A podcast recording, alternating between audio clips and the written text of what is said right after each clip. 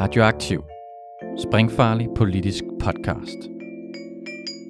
Følg os, like os, del os, læn dig tilbage og nyd en frisk blandet cocktail af skarpe vinkler, dybtegående analyser og farlige debatter.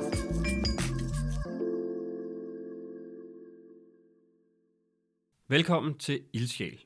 En politisk podcast med mig, Peter Vestermand, og en ildsjæl, der brænder for en sag, brænder igennem og forhåbentlig kan tænde en gnist i dig derude. Jeg er som sagt Peter Vestermand, et politisk menneske fra 1985, der har været aktiv mit halve liv på venstrefløjen, især i Socialistisk Folkeparti, hvor jeg nu sidder i regionsrådet i hovedstaden. Jeg har lige siden jeg var 6 år gammel leget med radio med min ven Jesper. Vi optog på kassettebånd nogle sjove lydbider med os selv og lidt shubidua indover. Jeg lover, at der ikke kommer noget shubidua indover. Om det bliver sjovt, må du vurdere, men det bliver i hvert fald vedkommende. For jeg er også en højskolemand, der søger det menneskelige møde og dyrker det levende ords kraft. Ord og kraft er der i de mennesker, vi kommer til at møde her i Ildsjæl. God fornøjelse. Velkommen til Ildsjæl. Jeg hedder Karoline Weber, og jeg er antropolog. Jeg sidder øh, over for øh, jer her, Peter Vestermand og Lisbeth Bæk Nielsen. Og jeg har fået lov til at overtage rollen som vært på denne podcast i dag. Det har jeg, fordi at, øh, jeg har læst jeres bog, Oprør for fremtiden, manifest for frihed og fællesskab midt i en uh, tech-tid, som vi skrev sammen i 2018. Og jeg synes, den er relevant i det her samfund, og jeg vil gerne have den udfoldet lidt. Så nu er det altså dig, der skal udspørges, Peter, i stedet for øh, den anden vej rundt. Så kunne I ikke tænke jer at starte med at præsentere jer selv, Peter og Lisbeth? Jeg hedder Peter og er Vestermand, og øh, blandt andet øh, sidder i regionsrådet i, i hovedstaden, og øh, også er spidskandidat til Folketinget øh, for SF i Nordsjælland. Og øh, hvad der er mest relevant for den her øh, podcast lige nu, er jo, at øh, jeg for fire år siden skrev en bog sammen med min rigtig gode veninde og politiske kampfælde Lisbeth, som sidder lige her, og skal have lov til at sige lidt om sig selv. Tak. Øh, jeg hedder Lisbeth Bæk Nielsen. Øh, for fire år siden, da vi skrev bogen, der hedder jeg Poulsen til efternavn. Øhm, og jeg øh, er udover at være gode venner med dig, Peter, øhm, og kampfælde, vi har virkelig været igennem meget politisk sammen. Så sidder jeg også i Folketinget for SF, og det har jeg gjort i 11 år, og øh, der er jeg finans, erhverv og IT-ordfører, og det sidste, synes jeg jo er virkelig vigtigt. Øh, men det mærker man ikke meget til herinde på, på Christiansborg i forhold til alle de ting, der sker øh, lige nu, og som vi også har beskrevet noget af i, i bogen. Men det er en anden snak. Mm. Må jeg så ikke høre, hvorfor I har skrevet den her bog? Det har jeg slet ikke snakket med nogen af jer om. Hvad, hvad var udgangspunktet for det, og historien bag den? Jamen, for mit vedkommende i hvert fald, så var det, at jeg, jeg tror, jeg mere eller mindre øh, tilfældigt begyndte at falde over nogle øh, artikler omkring øh, hvad øh, kunstig intelligens kunne, hvad øh, robotter og automatisering kunne betyde for vores arbejdsmarked, øh, hvad, hvad digitalisering betyder for vores samfund, hvad smartphones og sociale medier gør ved vores øh, børn osv. Og det var, det var sådan et ukendt øh, land for mig der i, i 17, hvor jeg begyndte at, at virkelig kigge ind i det. Øh, og synes det var sindssygt spændende, og, og tænkte, øh, der må være nogle, øh, nogle kæmpe store omvæltninger på vej, som vi er sådan lidt blinde overfor som, øh, som samfund. Øh, og det er kun fem år siden jo, men man skal altså tænke på, at dengang, der var de der øh, tech-giganter, og, øh, og altså Mark Zuckerberg og sådan nogle Silicon Valley-typer, de var jo bare konger. Mm. Altså, øh, det var jo ingen, der var kritik af dem. Øh, det var bare alle lande, inklusive Danmark, skulle have deres eget Silicon Valley. Øh, der var jo ingen ende på øh, den øh, tech-optimisme, der, øh, der var. Så det var noget af det, jeg, jeg synes var, var virkelig interessant. Men så også koblet med nogle andre ting i noget, man kunne kalde den perfekte storm, altså en, øh, en global ulighedskrise, en, en, øh, en klimakrise, en trivselskrise. Øh, og, øh, og det begyndte jeg bare sådan at interessere mig for at, at læse op på. Og, øh, og så på et tidspunkt begyndte jeg også at skrive nogle noter ned. Og, og, så, øh, og så på et tidspunkt så spurgte jeg Peter, om han ikke havde lyst til at skrive en bog om nogle af de her ting sammen med mig. Det blev simpelthen til en 200 siders lang bog. Ja, faktisk 400 sider, vi blev bedt om at halvere vores redaktør. Nå, der var en version 2, hørte Ja. Men, øhm, men så spurgte jeg Peter, og jeg tror, vi er, vi er sådan stærke på nogle forskellige områder. Det, det tænkte jeg kunne være en styrke, at vi kunne supplere hinanden godt. Og så var det egentlig også det lavpraktiske element i, at jeg havde brug for nogen til at sparke mig øh, bag i, hvis der var perioder, hvor at, at, jeg, at, at det hang lidt i bremsen, ikke? fordi den er jo skrevet ved siden af øh, fuldtidsjob og alt muligt andet. Øhm, og, og for Peter også nogle ret store sådan, familiære begivenheder, det kan du jo sige noget om. Ja, altså jeg var også øh, virkelig glad for, at Lisbeth øh, inviterede mig med ind i, i skriveprocessen. Jeg har længe gået og, og bakset lidt nogle tanker om, at man burde skrive en bog, fordi der var nogle ting øh, i vores samfund, jeg synes var vigtige at få, få sat fokus på. Og, øh, og, og det der drive, du har, Lisbeth, det, øh, det er jo fantastisk at få koblet sig på, og det kunne jeg også mærke, du brændte virkelig for øh, det her. Jeg vidste ikke ret meget, og for at være helt ærlig interesseret mig måske heller ikke ret meget for alt det her teknologi, som du gik og talte om.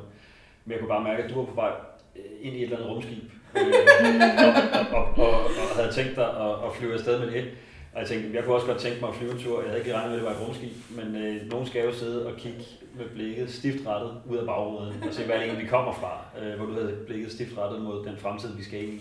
Så, øh, så jeg tænkte også, at det, det kunne være fedt at, at få de to øh, tilgang til at mødes. Jeg er sådan mere historisk øh, rundet og, og, øh, og, og har kigget lidt på nogle af de meget sådan ideologiske, klassiske kampe, som vi på venstrefløjen har kæmpet, og nogle af dem har vi vundet, en del af dem har vi ikke vundet. Øh, kunne man med afsæt i en ny tid få nogle af de her fuldstændig universelle, evige værdier realiseret på en ny måde. Det, det synes jeg kunne være sindssygt spændende. Så det var øh, på den måde et, øh, blev, blev bogen et projekt mellem os, hvor jeg synes, der, der strømmede øh, lige dele øh, Lisbeth og Peter ind i, i, i resultatet. Det synes jeg faktisk er, er blevet ret stolt af. Og så er det rigtigt, øh, den kom på tværs af alt. Øh, jeg havde besluttet mig for, tror jeg lige da vi begyndte at snakke om det her, at jeg skulle stille op til regionsrådet. Øh, der var valg i november, så, øh, så det øh, skulle jeg lige øh, have fokus på i den tidlige skriveproces.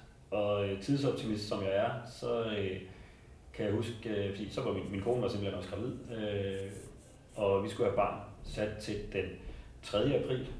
Og jeg tænkte jo selvfølgelig, så kan vi sagtens nå en deadline, der hedder 1. april med den bog der. Og så kommer Oscar jo, øh, hvor min Det lyder søn- som jeg. Ja, så, så kom vores søn, øh, min Mille Maries søn, Oscar, der, han kom øh, fem uger for tidligt. Og det kunne man jo ikke have forudsigt, bare fordi hans storesøster kom 12 uger for tidligt. Så, øh, så, så bogen blev, øh, og nu sagde du, at du havde brug for nogen til at sparke dig lidt bag i, men, men jeg havde jo også øh, indimellem lidt dårlig samvittighed over, at, øh, at din co-pilot øh, også lige havde et fokus rettet på andre ting i bagruden en gang imellem. Så, øh, så, men det lykkedes. Og der er jo helt vildt meget at snakke om omkring den her bog. Men i dag så skal vi fokusere på arbejdstid og hvordan vi opnår et samfund i balance. Og I skriver jo ind i den her øh, fjerde industrielle øh, revolution. Vi ikke snakke lidt om, øh, om den og hvad den gør ved vores arbejdsliv. Jamen, jeg kan måske lige starte. Øhm, Jeg begyndte egentlig også at blive ret interesseret i de her forskellige revolutioner, vi har haft, hvor at de, de første var jo, hvad skal man sige, den industrialisering, som, som startede i, øh, i, øh, i England og, og, og, og bredte sig ud over øh, Europa og, og USA jo, hvor Danmark først relativt sent kom, kom med om, øh, om, ombord. Og, øh, og det var jo alt lige fra øh, vandkraft til, altså, øh, hvordan mekanikken kunne gøre sit indtog osv. Så, så senere så kom øh, samlebåndet, som jo også revolutionerede den måde, man kunne, øh, man kunne industrialisere på, og hele den her Fordisme tankegang, altså Ford om, hvordan man kunne masseproducere og, Mm. og, og gøre, gøre tingene meget billigere. Øhm, arbejdsdeling og mange af de her øh, øh, tankesæt bag det, der egentlig blev til sådan moderne kapitalisme, altså når man kunne øh, producere billig, øh, stadig billigere produkter til, til flere og flere mennesker. Øhm, mm. Men hvor at øh, folk jo langsomt også, i hvert fald mange, fik en bedre levestandard til de at skulle købe produkterne. Og det var tankesættet bag øh, Henry Ford også, at hans egen arbejder skulle altså også have råd til at købe de biler, han producerede. Ja. Øhm, og, det er, og det er egentlig også sådan et lidt, øhm, et lidt centralt marxistisk øh, koncept omkring det evige paradoks med, at, øh, at øh, kapitalejerne vil gerne øh, få mest muligt ud af arbejderne. Så de vil gerne holde lønnen nede på deres egne arbejdere, men de vil gerne have, at, at andres arbejdere har en levestandard, så de kan forbruge mm. de ting, der bliver produceret. Mm. Og de to tendenser øh, er et evigt øh, paradoks, og det er jo ikke fordi, det er sådan en full-on marxistisk bog, men altså vi er der inspireret, og der er nogle, nogle tendenser i det, som vi, som ja. vi synes er, er spændende. Øhm, og, øhm, og, og det er jo også, det trækker jo trådet op til nutiden, altså når man hører om, hvordan øh, Amazon øh, arbejder og bliver underbetalt, behandlet dårligt osv. Mm. Der har lang tid i USA været en, bevæg, en bevægelse for bare at få 15 dollar i timen. Mm. Altså, vi har working poor i, øh, i Tyskland, hvor folk skal arbejde flere jobs bare for at kunne betale deres regninger. Og det er jo, det er jo de indre modsætninger i kapitalismen, altså at... Øh, øh, mm. man har brug for, og at der bliver for, forbrugt flere og flere varer, samtidig med, at, at købekraften bliver udhulet. Mm. Øhm, nå, men, men, men, men der er altså flere industri- industrialiseringer igennem historien, og, øhm, og den fjerde er jo den, vi ser ind i nu, med, øhm, øh, altså, hvor man kan se voldsomt faldende priser på mikrochips og alle de her mm. ting, som man bruger øhm, rigtig meget af råvareprisernes fald, øh, og på trods af, at vi lige nu er i en voldsom inflationskrise, så er det en tendens, der vil blive ved med at være der. Mm. Øhm, kvantecomputer, jeg tror om, om, om 10 år har vi, har vi en kvantecomputer stående i Danmark også. Sådan nogle ting, der vender fuldstændig op og ned på rigtig mange ting, og på rigtig mange øhm, af de logikker, vi har været øh, vant til. Og for bare at afslutte den her omgang, så var det også nogle tanker omkring, at hvis robotter, automatisering, digitalisering og, og, og alle de her ting kunne, øh, kunne gøre mere og mere af arbejdet, øh, både hvad skal man sige, et, et klassisk skrivebordsarbejde, men også klassisk øh, manuelt arbejde, altså i industrien og på fabrikker osv., jamen hvad vil det så betyde for, øh, for, øh, for de job til almindelige mennesker? Der bliver selvfølgelig altid opfundet nye job, mm. men vil de komme i samme hast som dem, der forsvandt? Ja, I siger faktisk i bogen, hvilke jobs bliver opfundet til hvem? Ja. Altså til robotter, ja. teknologi eller til os mennesker? Ja, ja. og der er det jo igen øhm, noget, som vi meget kort kommer ind i øh, i bogen, men som vi ikke skal snakke om i dag, at der jo også fra Silicon Valley er en, en stor øhm, optagethed af borgerne, fordi mm. de kan jo godt se, at rigtig mange mennesker bliver overflødige, og hvem skal så købe deres produkter, mm. ja. hvis de ikke får løn. Ikke? Øhm, og så vil de gerne socialisere regningen hos, hos staterne, øh, mm. så at sige. Så der er nogle meget interessante dynamikker i gang. Og Peter, ja, du sagde også noget med øh, det mentale helbred, vi har i Danmark, og psykisk unge. Hvad har det at gøre med arbejdslivet og med alt det, som Lisbeth har snakket om? Jamen det er, først og fremmest synes jeg, at, at, at fokuset på at vi ikke bare står i en isoleret øh, tid, hvor der lige pludselig sker noget teknologisk, men at der, der er nogle tråde og nogle erfaringer fra tidligere. Det, det er ret vigtigt at have med.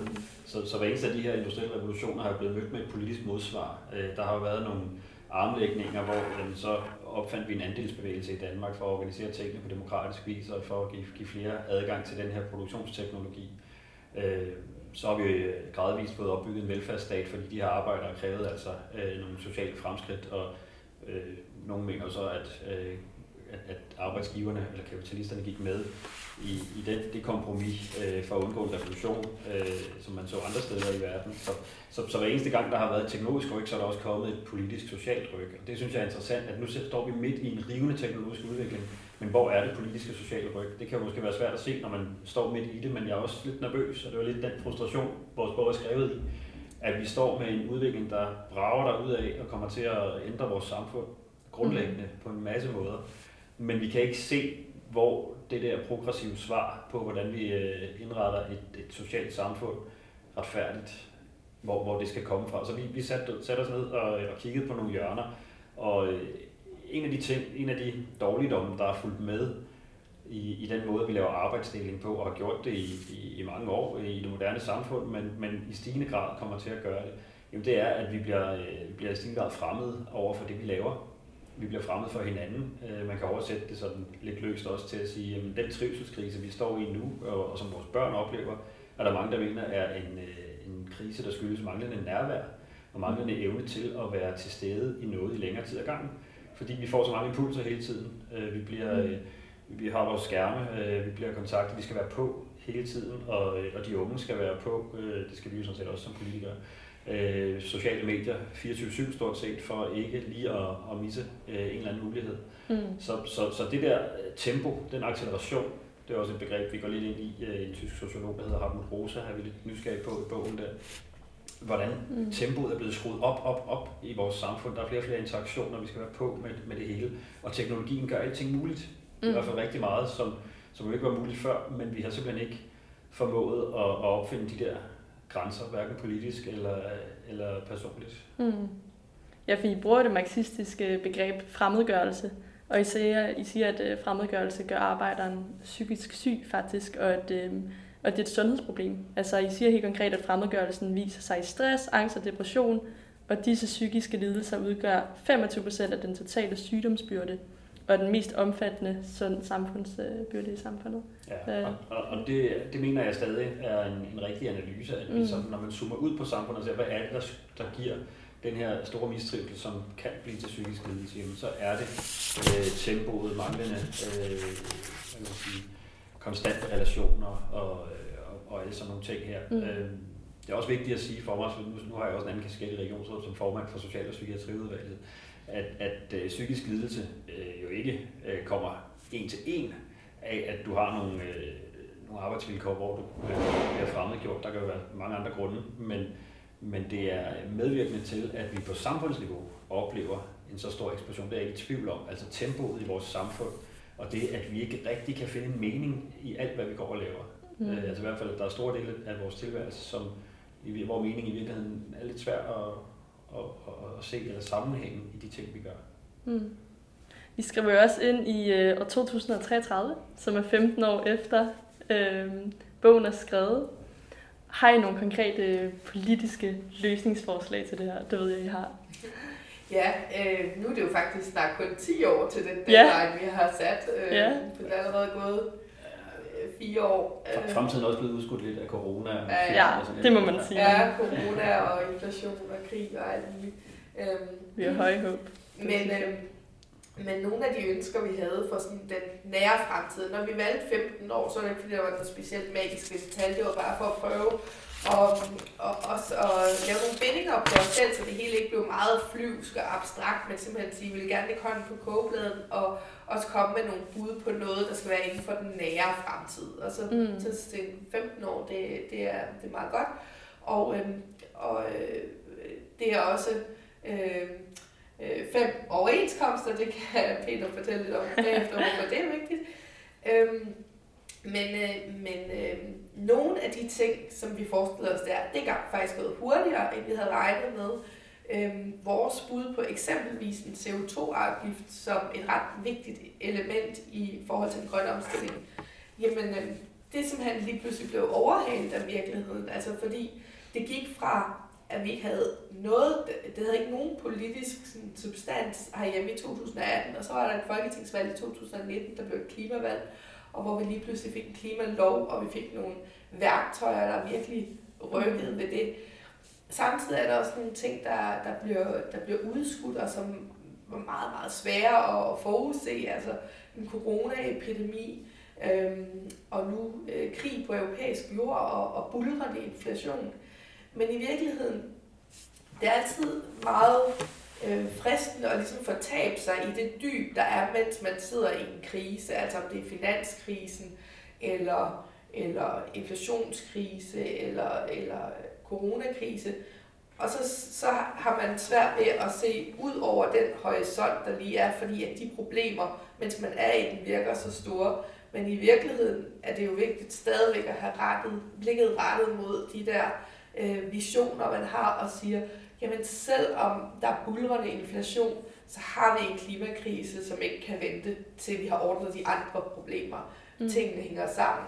Vi har en trivselskrise, der faktisk kun er blevet accelereret og forværret af corona, fordi rigtig mange var isoleret og blev endnu mere ensomme og, og endnu mere af angste. Øhm, og, øhm, og på den måde, så, øh, så, så synes jeg overhovedet ikke, at de store kriser, vi har set de, de senere par år, har annulleret de her ting. Øh, tværtimod på nogle måder øh, forstærket dem.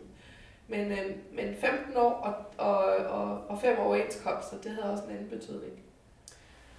Ja, og det er jo, øh, det er jo fordi det vi foreslår, det er jo en gradvis nedsættelse af den øh, ugentlige arbejdstid, øh, sådan at den kunne ramme ned omkring 25 timer om ugen.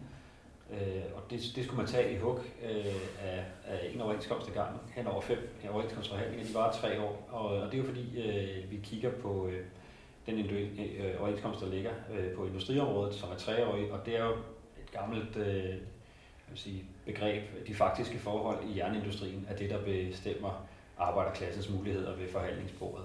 Fordi jernindustrien historisk set har været den, der ligesom blev forhandlet først overenskomst for, og så var det den, der lagde grunden for, hvad kunne de andre fag så ligesom få. Og hvis man kigger på, hvordan industrioverenskomsterne var tidligere, jamen, så var der en 60 timers arbejdsuge engang. Det er lidt mm. vildt at forestille sig, fem dage om ugen arbejdede man 12 timer om dagen. Og øh, den, den arbejdstid er så gradvist høvlet ned, overenskomst, overenskomst, kamp for kamp. Det var faktisk øh, det, der står allerøverst på øh, de tidlige fagforeningers øh, faner. Det var, at øh, man skulle have 8 timers arbejde, 8 timers øh, fritid, eller frihed kaldte de det. Det synes jeg er meget bedre. Mm. Og, og 8 timers hvile.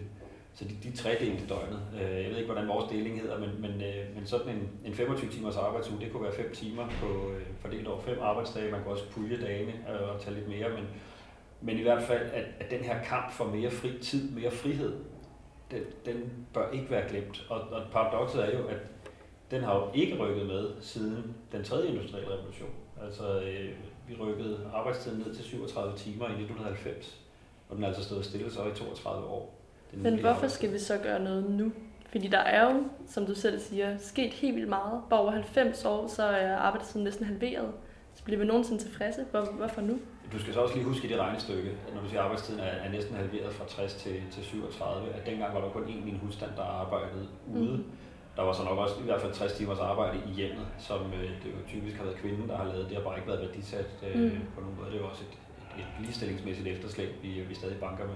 Det må man sige. Men, øh, men, men øh, hvorfor vi skal sætte ind på det nu, det synes jeg giver sig selv, når vi kigger ud i samfundet. Øh, vi har en mistrivsel, der brager ud, og vi har, som, som Lisbeth også sagde, som vi skriver i bogen, øh, hver fjerde øh, sygemelding i det her samfund skyldes øh, stress, angst og depression.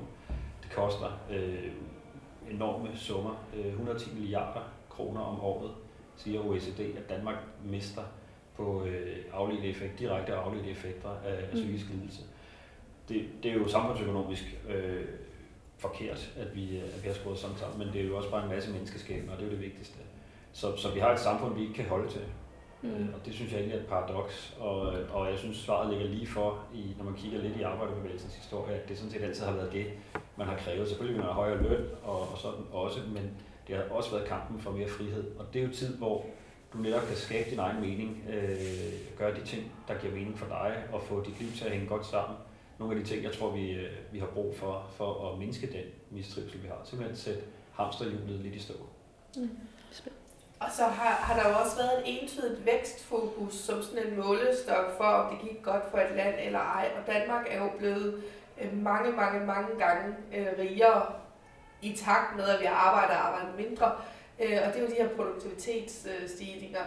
Øh, og, øh, og, og vi bliver også nødt til, øh, synes Peter og jeg i hvert fald, at sige, at vi står i en galopperende klimakrise. Altså det er i ordets øh, mest grundlæggende forstand eksistentiel krise, vi står i som menneskehed. Øhm, og, og derfor så kan vi ikke have de samme mål for, for, øko, for økonomisk succes, eller et lands øh, øh, velstand eller velfærd. Øhm, og, og, og når man har fået dækket nogle basale behov, og endda lidt til, altså sådan nogle ting, der også giver, giver glæde, øh, så kan man jo også måle på lykkebarometer, når man spørger folk. De bliver jo ikke lykkeligere af, af, af mere forbrug, øh, flere penge osv.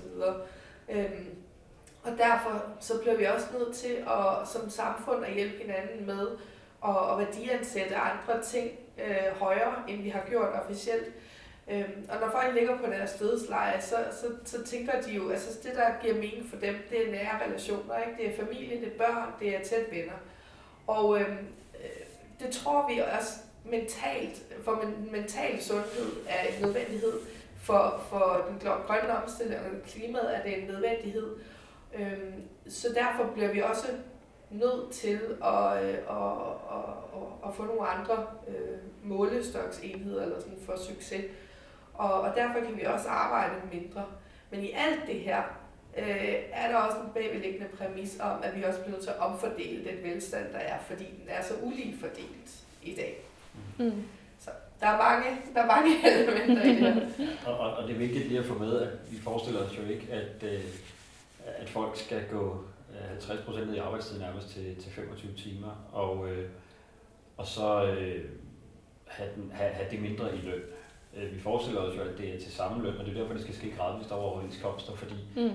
det er så i stedet for at veksle til øh, store stigninger i forbruget, altså lønstigninger, men øh, at, at man så siger, at vi vil faktisk hellere have mere fri tid, og vi, vi begynder at fornemme, at det pipler lidt. Der var, det, det var en lidt kølig modtagelse, vores bog fik på det punkt fra fagbevægelsen der for fire år siden. Mm. Øh, jeg kan huske, at jeg stod i, i et radioprogram med, med, med en af, af næstformændene i, øh, i LO, Anna Højlund, og, øh, og hun var meget afvisende over for det, og sagde, det er jo ikke noget, vores medlemmer nævner.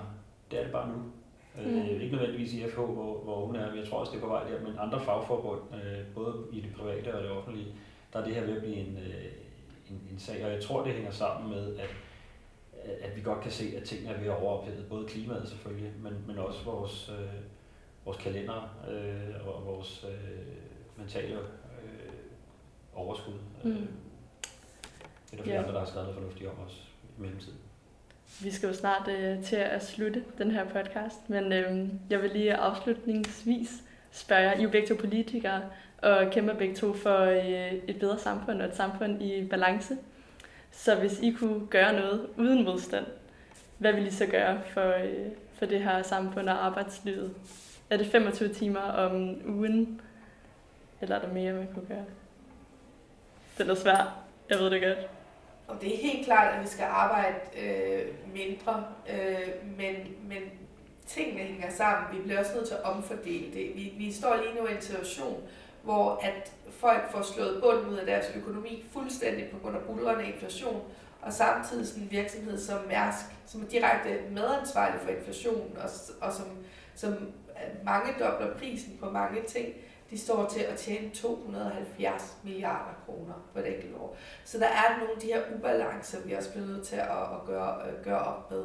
Øhm, og vi synes jo, det er, det er sund fornuft, øhm, men, men det er også et spørgsmål om, om social øh, retfærdighed simpelthen. Øh, mm. Uligheden er bare blevet øh, fuldstændig uanstændig, og også, øh, også på globalt øh, niveau. Så, øh, så det handler både om politisk sammen med fagbevægelsen og komme i retning af at arbejde mindre, omfordele mere øh, og, og, og i højere grad øh, altså, øh, for os, der har meget i dag, sige, at vi bliver simpelthen nødt til at forbruge mindre. Ja, jeg tror også, det er jo et stort spørgsmål, du kommer med der, Karoline, men, men jeg tror, overordnet set, så skal det være... Du kan godt lide dem, Peter. Ja, jeg kan godt lide men, men ikke når du siger, at vi skal til at afrunde, jo. Men, men overordnet set vil jeg sige, at vi skal også ja, vi skal finde en, en bedre balance, og ikke have et samfund, hvor vi øh, udpiner os selv så meget øh, arbejdstempo. Øh, det er det, der er. I gamle dage talte man om udbytning i, i sådan øh, venstrefløjsretorik, øh, at kapitalisterne udbyttede arbejderne. Nu er udbytningen rykket ret meget ind i arbejdernes egne hoveder, fordi tit er det jo faktisk selvpålagte øh, krav, der, øh, der gør, at man bliver stresset også. Øh, og, og, og den der diskussion er vi nødt til at, at kunne tage. Men også et samfund, hvor vi ikke udpiner øh, de, øh, de ressourcer, der er, øh, både i forhold til naturen og, og klimaet, men også de sociale ressourcer, hvor vi ikke udpiner øh, en, en, nogle folk, der skal gå på arbejde for en, en ringe løn, mens øh, andre stikker helt af, som Lisbeth også er inde på, og, og skovler penge ind. Så så tror jeg, vi bliver ved med at se alle de her kriser. Det er simpelthen et, øh, et resultat af, at, øh, at der ikke er en eller anden øh, forståelse for, at ting er ude af balance, og vi skal have dem tilbage. Og der er en øh, generelt lavere arbejdstid en vej at gå, øh, så, vi, øh, så vi får skabt en, en fælles norm om, at, at der skal også være mere tid til noget, der er vigtigere her i livet. Mm. Og med de ord, synes jeg, vi skal afrunde. Så Peter og Lisbeth, tak for at uddybe jeres bog, Oprør på fremtiden, manifest for frihed og fællesskab med din tech-tid og øh, snakke om arbejdsliv.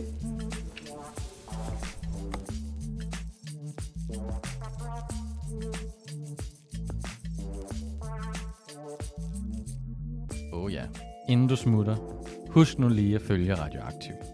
Vi er på Facebook, Twitter, på SoundCloud eller i din podcast-app. En række af vores podcasts udkommer også som video på YouTube. Du må også gerne dele os med dine venner. Hvis du er ellevild, så kan du gå ind på solidaritet.dk og blive medlem af vores medie.